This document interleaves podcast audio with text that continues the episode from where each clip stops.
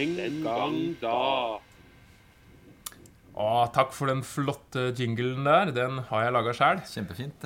Takk, takk. Eh, Velkommen til denne historiske podkasten Den gang da. Dette er episode tre. Dagens tema, det er antikken Nei, eh, det var forrige gang.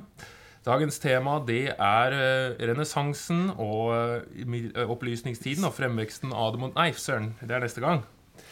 Så dagens tema er det åh, Hva heter den tiden imellom der, eh, Hans? Eh, at i mellomrommet Mid, mid, mid, middelalderen. Ja, den, ja, Eh, det er den, ja, den tiden imellom de to. ja, Middelalderen. Dagens Mellom- tema er ja. middelalderen. Mellom antikken og fremveksten av moderne tid. Mitt navn er eh, Henning. Eh, Med meg har jeg min eh, eminente faglige eh, ansvarlige, Hans. Takk for det, Henning. Hyggelig å få være her nok en gang. Jo, i like måte. Veldig hyggelig at du blir med. Eh, Med oss har vi også vår eh, gjest, i dagens gjest. Det er eh, vår eh, gode venn og kollega Jørgen Lie. Hei, hei, Jørgen. hei, hei. Så hyggelig å bli invitert som gjest. Det blir spennende å se hva dette er for noe. Ja, Hyggelig at du vil komme, Ja. siden du er ekspert på middelalderen. Jo, det er jo alltid hyggelig å bli invitert for noe man kan. Ja. Eh, I dag skal vi snakke om middelalderen, som sagt. Eh, Begynn med deg, da, Hans. Hva er ditt forhold til eh, middelalderen? Nei, middelalderen er, jeg synes det er en spennende tid. Eh, litt fordi på en måte, sånn, Fra et sånt, ja, historieforskningsperspektiv, siden han er en alder som har blitt eh, stort sett bare benevnt med noe som er mellom to andre tider, så virker det som det egentlig ikke skjer noe som helst der. Men eh, egentlig så er det ganske mye som foregår. Derfor syns jeg det er en spennende greie. Så mye fin film derfra. Ja, de var Ja. gode på film i middelalderen. Ja, ja nettopp. ja. Mm. Uh, Ja, Jørgen. Du som er husekspert. Hva er ditt forhold til middelalderen? Ja, Jeg må innrømme at jeg er litt farva av oppveksten med Monty Pythonske referanser, og at ting var brunt og ulltungt og vått, og at man jo spiste kjedelige ting og døde ofte før man eh, hadde kommet skikkelig i gang. Det var eh, det er egentlig mitt forhold til middelalderen, men jeg veit jo at det finnes lyspunkter, da, og ikke minst gode røverhistorier. Ja. ja, jeg tror også det regna mye i middelalderen. Det var mye gjørme, føler jeg. Mye brunt. Ja, Man var veldig mye møkkete på beina.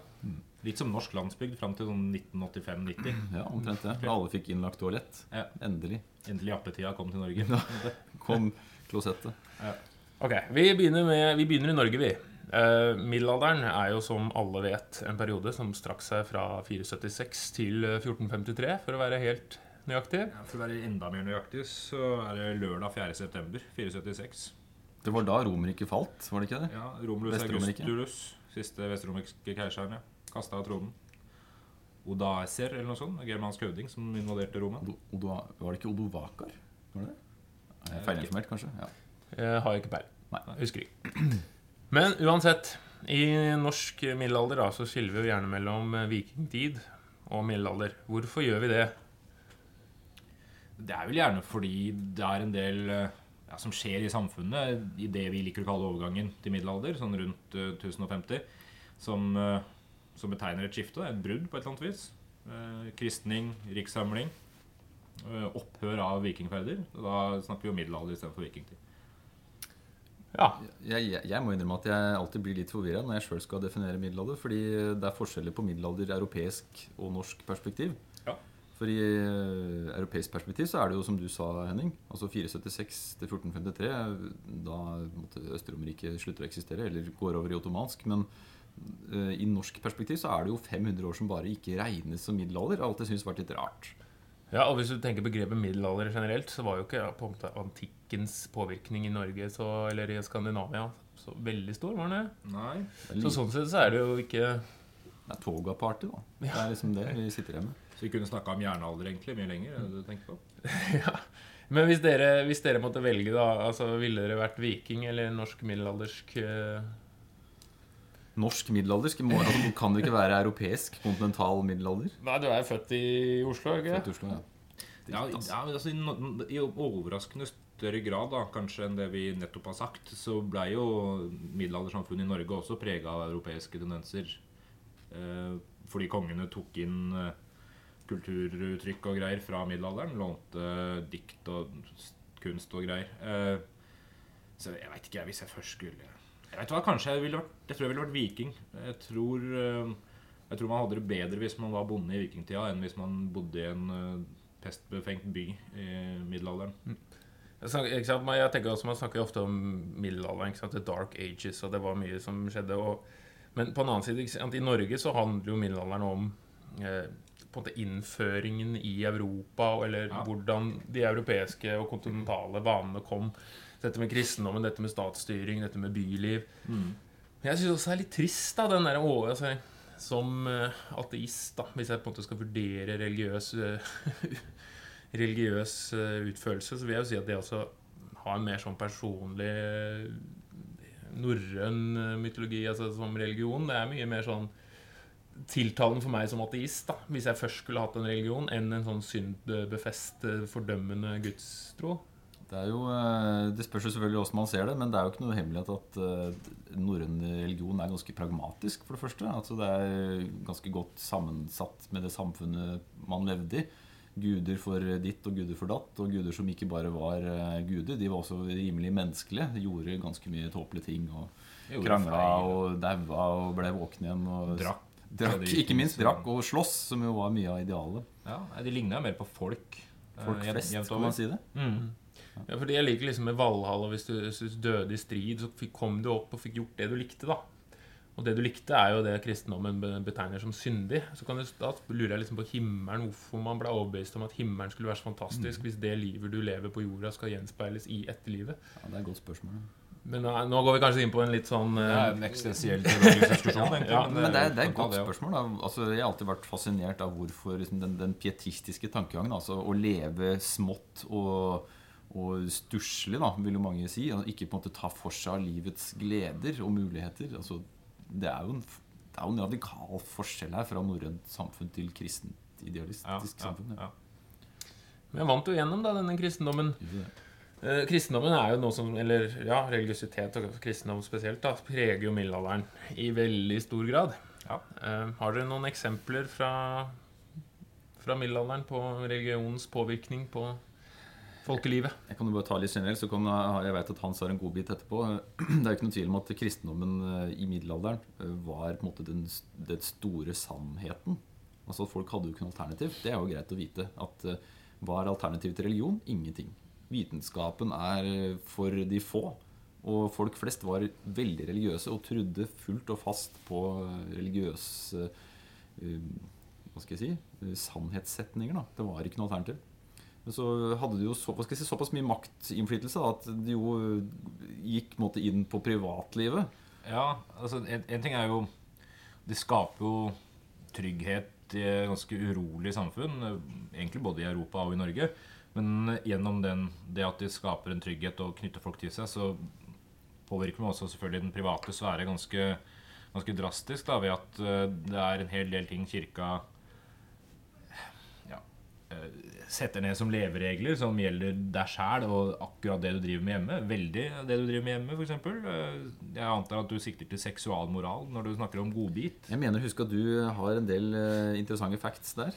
Ja, Nei, det er, det er noen sånne grunnregler som eh, helt tydelig fungerer som sånne kristne normer. Om, om ikke nedskrevne regler i middelalderen. Og det er jo I kurtisering eksempel, så skal du helst bare se. Du skal ikke ta på den du prøver å eh, hooke opp med. Ja, du skal, du, Eh, du skal Det, det gjelder jo litt i dag òg, kanskje? Ja, det- ja, jeg er enig.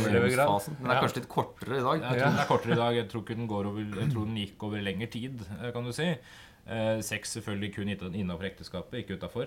Eh, Nei, Akkurat den det er kona mi også nå som er gift, da. Veldig Ja. opptatt av. Veldig opptatt Ja, av det. Så er- jeg må holde det innafor. Så det er mindre Så det- på Tinder enn før. Ja, det, det kom først etter at dere gifta dere. ja, ja, det, ja, det er klart. Ja, skjønner. Er, er det mange som overvåker dere, også i hjemmet i hyrdestudens øyeblikket, Henning? Nei, nei det, vi prøver å unngå det. Du kunne det. Ja, For, for det var jo Ja, det tror katter. Det risikere. katten, ja. Det tror jeg man kunne risikere i middelalderen. At det sto en eller annen eh, klerk med stega utafor vinduet ditt og så inn på soverommet for å sjekke hva du drev med.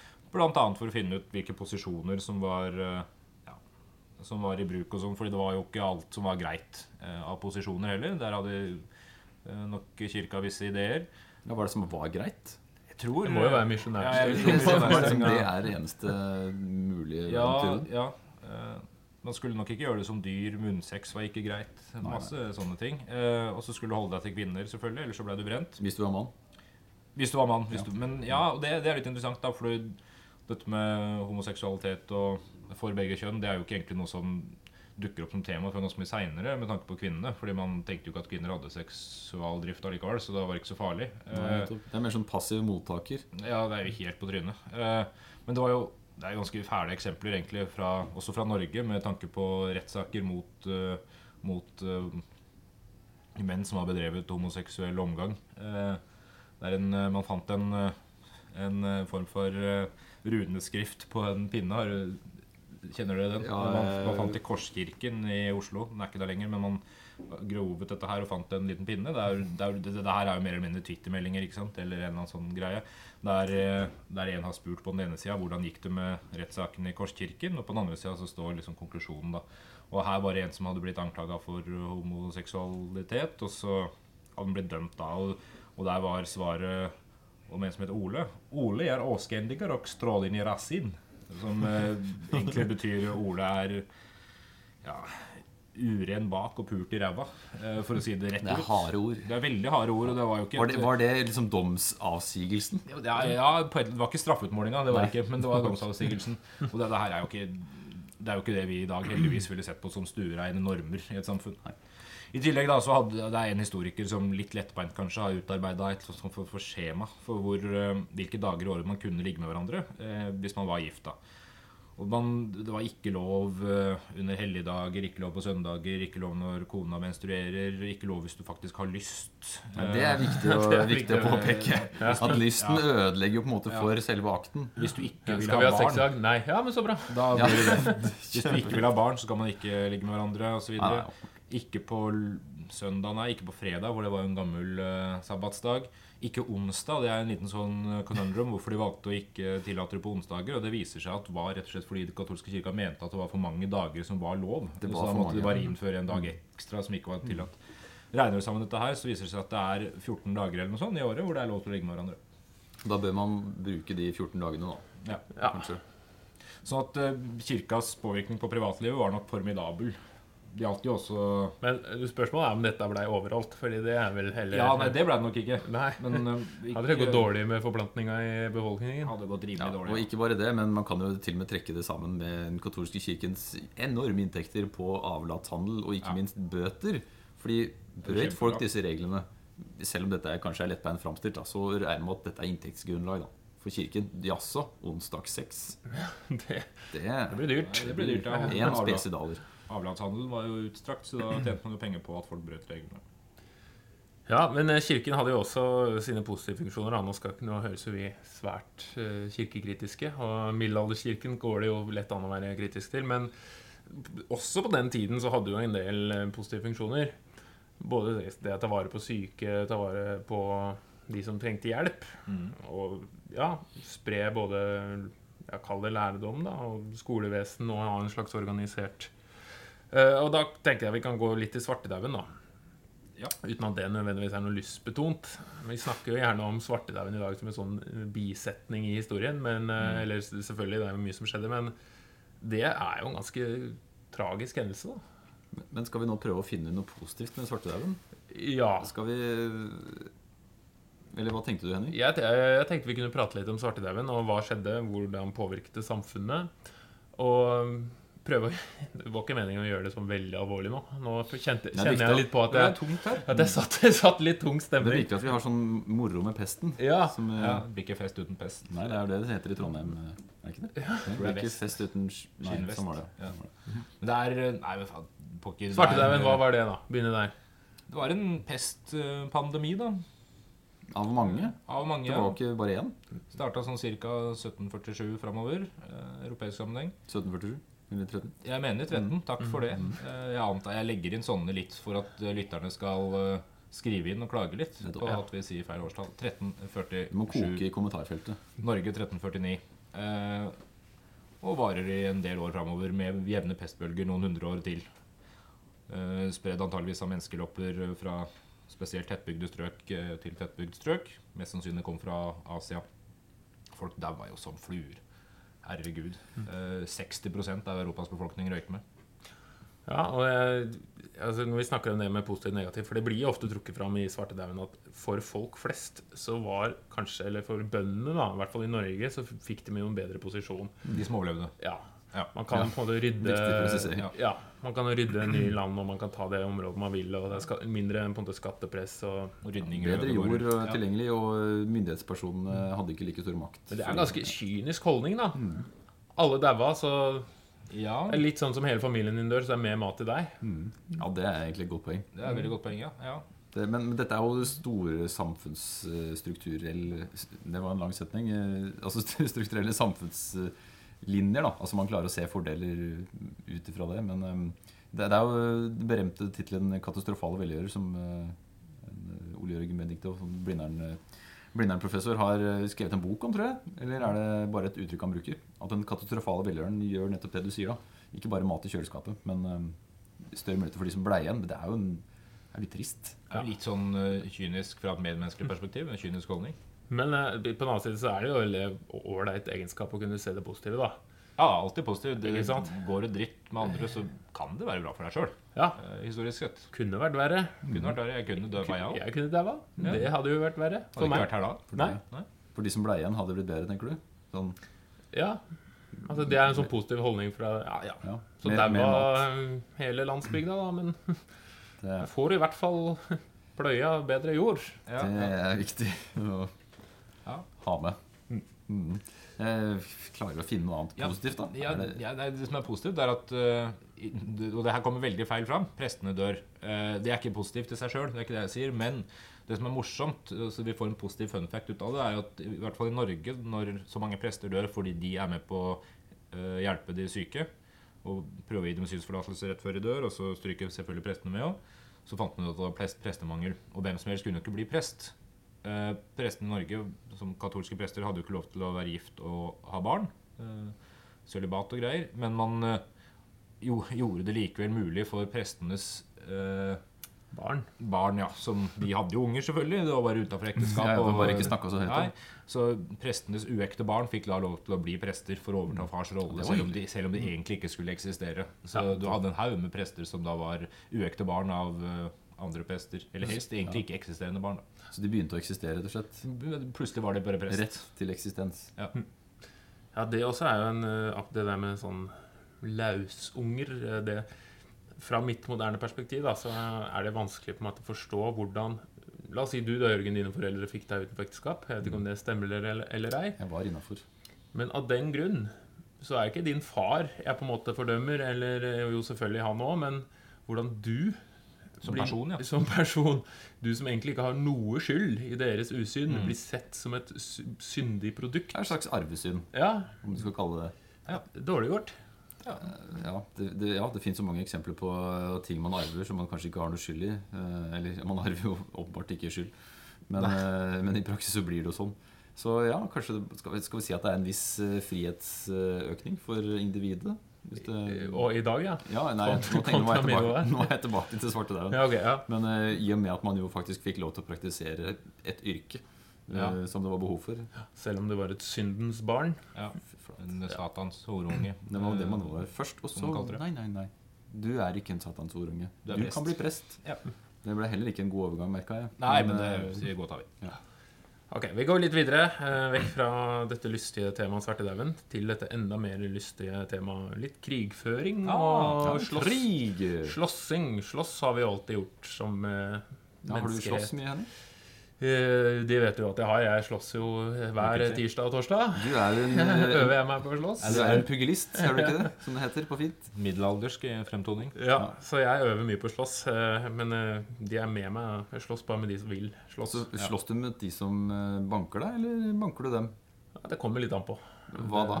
Ja, altså, Om du hvor, vil, hvor eller? flink han jeg møter er på å slåss. Det skal Altså, jeg driver med boksing, Ja, da, det for var det det jeg tenkte. ja. At det er Ja. greit å si det. At han ikke går rundt og raner folk Nei. eh, på tirsdag. og Tirsdag, torsdag. Det er ikke på kona Gulskogen mi, på en senter. Mellom, mellom halv sju og åtte på tirsdag og torsdag. Så jeg må tilbake i Gulskogensenteret, første etasje der. Men hva, hva er liksom, hvordan foregår krigføring i Middelhavet? Hva tenker dere på når, når jeg sier det var deres første innskytning? riddere, da.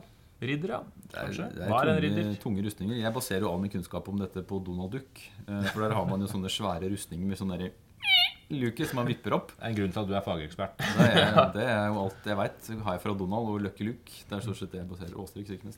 var ikke billig å være ridder. Det var det Eh, ikke. Du skulle ha råd til å holde din egen hest og uniform og i det hele tatt. Eh, Sånn at eh, riddersamfunnet det var jo prega av velstand for de som hadde muligheten til å Men var det slik at alle kunne bli ridder? Altså bare du kjøpte deg en eh, Er ridder en betegnelse på en fyr med rustning, eller er det noe mer? Nei, det er jo en adelstittel.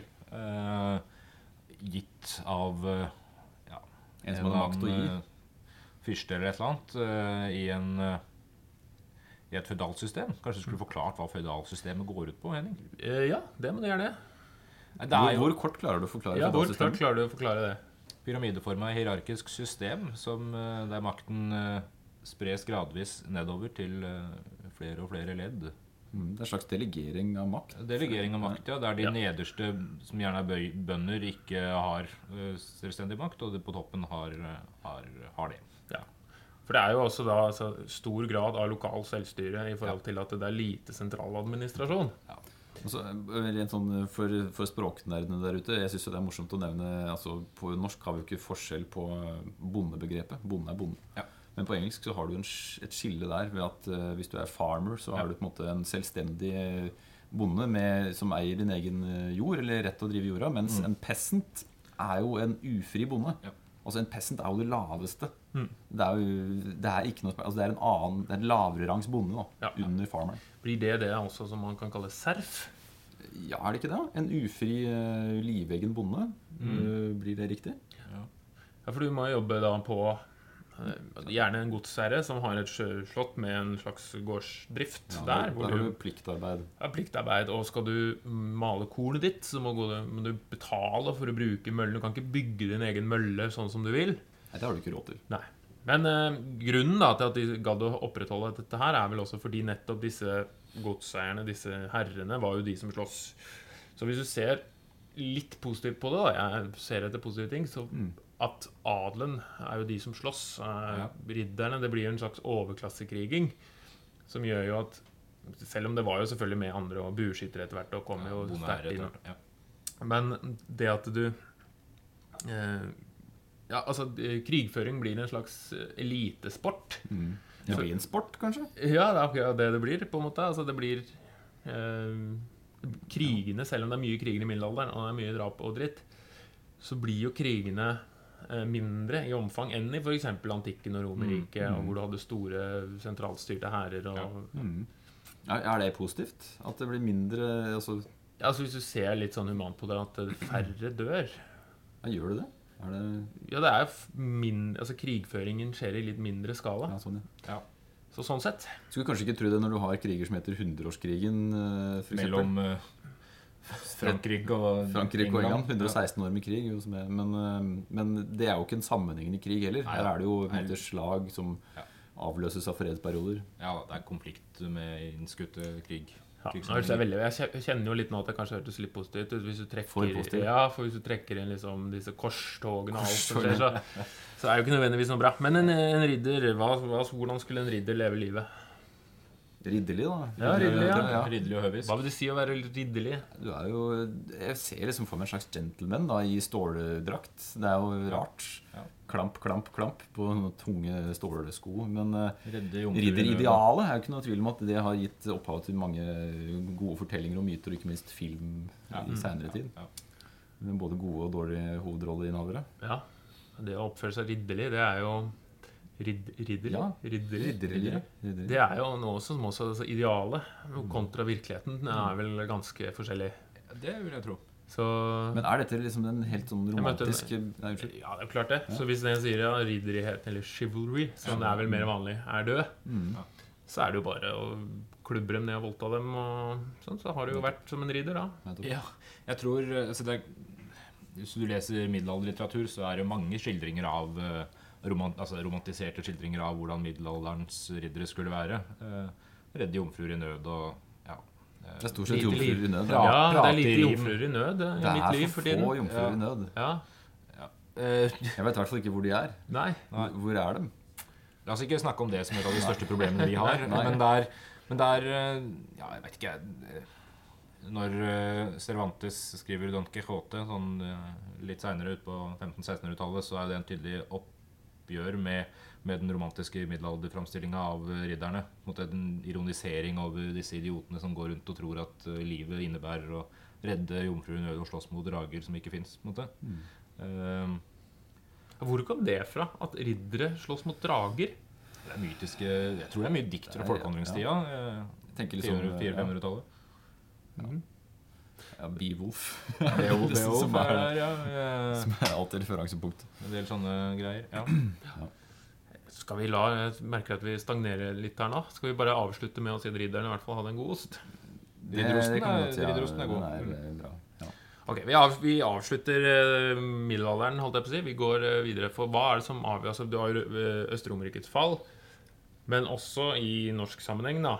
1537 og reformasjonen, og overgangen fra katolsk kristendom til en protestantisk eh, kristendom. Så jeg tenkte vi kunne snakke litt om det. Ja. Forskjell mellom katolisisme og protestantisme. Noe dere vil trekke fram? Ja, altså det, De hovedforskjellene er jo at uh, det det går an å tenke politisk og religiøst, men uh, politisk så misbrukte katolske kirken sin makt. Det er ikke noen tvil om det. På å få inntekter gjennom avlatshandel. Altså man kunne kjøpe seg vei til frelse, da. Hvis man hadde gjort noe gærent. Og ikke bare for seg selv, men de som allerede var daue. Altså onkelen din levde et syndig liv, ja, da betaler du penger til kirken for at kirken skal be for deg. Og frelsen var gjennom, gjennom kirkemakten. Du kunne ikke på en måte få frelse på egen hånd. da. Og så får man et skifte da med Luther og protestantismen ved at, man, at pro, pro, tro blir en privatsak. At man kan komme seg til han Gud helt på egen hånd. Og ikke minst at du får åp, du åpner opp for bibellesning av at han oversettes fra latin til tysk f.eks. Ja. Så det er enklere å være kristen Ja. i protestantismen enn i den katolske kirken. I et mer personlig tro. Ja.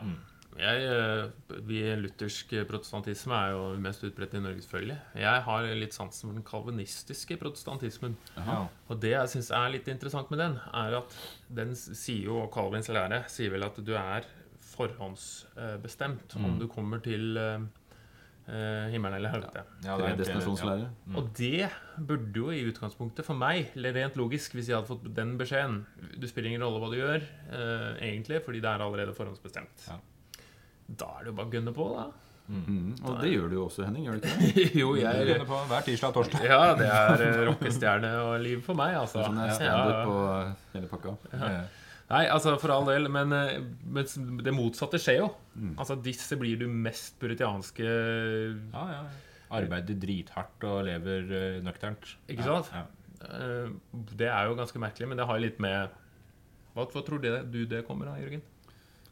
Nei, jeg, jeg tror det er vanskelig å gi slipp på det der pietistiske idealet som eh, mye av kirken hadde. i utgangspunktet. Det er kanskje en av grunnene, men hvorfor det holdt seg sånn, det, det syns jeg er vanskelig å forklare. Altså. Det kan være altså, en idé om at du skal følge Kristi eksempel. Da. Altså, Ja, han levde i altså- fattigdom, da er det best at menneskene gjør det òg. Kan du kanskje driste oss å si at eh, mennesket har en viss moral? Er det for å dra det for langt? Noen av oss, kanskje.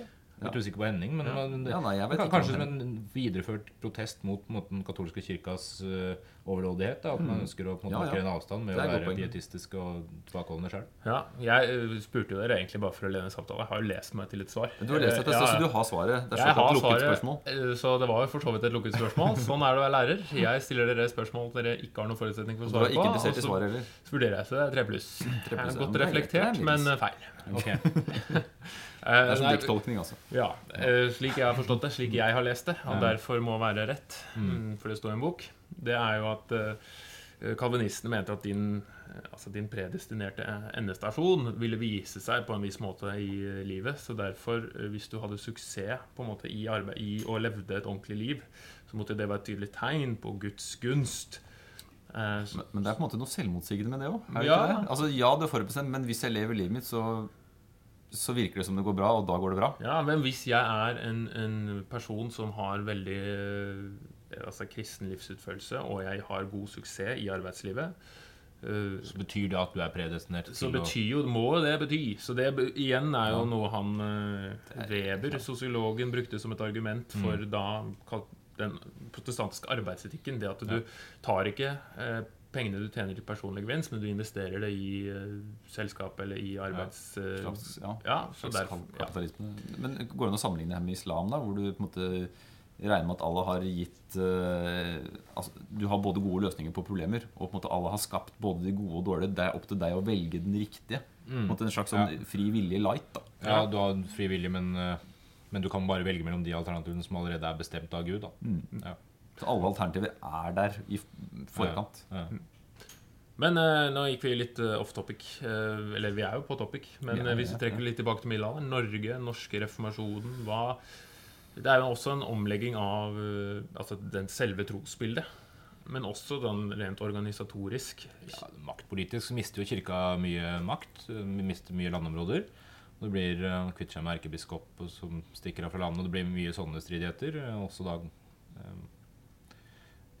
Dette her er jo noe vi, man gjør eh, selvfølgelig fordi danskekongen, som jo eh, regjerer her, har bestemt det, fra Danmark. Og det, Norge detter jo inn etter hvert i en eh, kulturell dødtid pga. Uh, den sterke påvirkninga derfra. Og man lærer seg dansk fordi Bibelen nå blir oversatt pga. protestantismen til dansk. Og det er liksom språket påvirkes av det. Sånn at det har langt større påvirkninger enn bare religiøse. Så det at kongen blir jo da kirkens overhode kontra paven Ja. Eh, Henrik Notten er jo kjent der i den grad at han Apropos rustning. Ja. Da er vi i England og ikke Norge, bare for å si det til de som Ja. eventuelt Ja. ikke følger oss. Hvor at han ønsket å skille seg fra sin kone. Hvil- Hvilket nummer? Nummer én. Nummer én, ja. eh, Det, Han hadde jo en del. Ja, og sende brev til paven. Kan jeg Mhm. være så snill og skille meg med konen min? Jeg har ikke noe lyst til å være sammen med henne. Som er jo utgangspunktet for enhver skilsmisse også i dag. Eh, Paven, paven sier selvfølgelig nei. eh, Du har å bli gift. Det er sånn Gud har bestemt at man skal leve. Mm. Og hvor han da sier nei, nei, men da er vi jo ikke lenger katolikker. Da blir vi protestanter. Jeg er da er sjefen for kirken og kan skille meg. Det er så greit. Det er så Enkelt. pragmatisk. Veldig enkelt og greit. Veldig greit. eh, Og spesielt når du er konge og fyrste og du kan bestemme hva alle andre skal tro på. Jeg tenker Det forteller litt om trosgrunnlaget, eh, også til kongen fra før av. Altså, hvor, hvor sterkt tror du faktisk på frelsen gjennom kirka, hvis du, er, hvis du tenker at der kan jeg like godt bryte med det og få det samme ut av det seinere, og mer til? Ja. det var- Det var neppe av religiøs overbevisning. eh, Ja, hvis det er på den måten der, så Ja. kan du Fordelen med katolisisme og protestantisme er at det er jo samme religion. sånn sett. Altså, det Det er, kristendommen, det. det er Ja. Gud, og det er Jesus, og det er tolv disipler. Og, Og... Det er mye, mye å kjenne igjen. ja. Men jeg liker de små subtile forskjellene som at i den katolske hvor nattverdet hvor det faktisk er Kristi Jesu blod og legeme. Ja, det, det er jo rimelig ekkelt uh, å tenke på. Og, og, og ikke snakke om hvis man skal sammenligne katolsk og ortodoks. Hvor den eneste forskjellen stort sett går på at man, man skal ha gjæra brød. Altså ikke, ikke tynne og blatkjeks, men altså, Faktisk ordentlig loff. Ja, Tenk hvor, mange, hvor mye tid som Ja. er blitt brukt til å diskutere disse viktige spørsmålene. Det er mye. Det er en del. Ja, det Det er litt trist. Skal vi bruke mer tid på det nå? Hva tenker dere om det? Nei, nå tror jeg vi begynner å nærme oss en slutten. Vi har vel satt en ca. en halv time med kaffeprat eh, som en eh, grense. Ja. Skal vi konkludere med noe? Det er kanskje vanskelig å konkludere når vi ikke har hatt pro wrestling som utgangspunkt. Nei. Middelalderen, midt imellom. Ja, det Det er- ja. Midt på tre. Er det liksom Ja. fire? Tre pluss? Ja. Det er fire, fire minus. Det er fire min. Fire minus. Ja. Takk for eh, nå. Neste gang så skal vi jo da gå i perioden etter middelalderen. Og dette Vi løper jo gjennom historien her, eh, men sånn er det nå en gang. Lettbeint løp gjennom historien. Ja. Så neste gang blir det renessanse, opplysningstid. Eh, Hans, jeg vet jo du er glad i 1700-tallet. Ja. Du er glad i parykker og nips og dingser og bomser. Ja. Synd det er bare lyd her. De skulle sett meg. Mm. Hans kler seg ut hver gang vi har eh, sending, men Jeg har ikke eh, skjønt konseptet. Nei, ikke eh, bare lyd. Nei. Ja. Det er hyggelig at du kunne komme, Jørgen. Jo, veldig hyggelig. Ja. Jeg håper å se dere en gang seinere. Kanskje Ja. vi inviterer deg igjen. Ja, det må dere gjerne gjøre. Takk for oss. Takk for oss.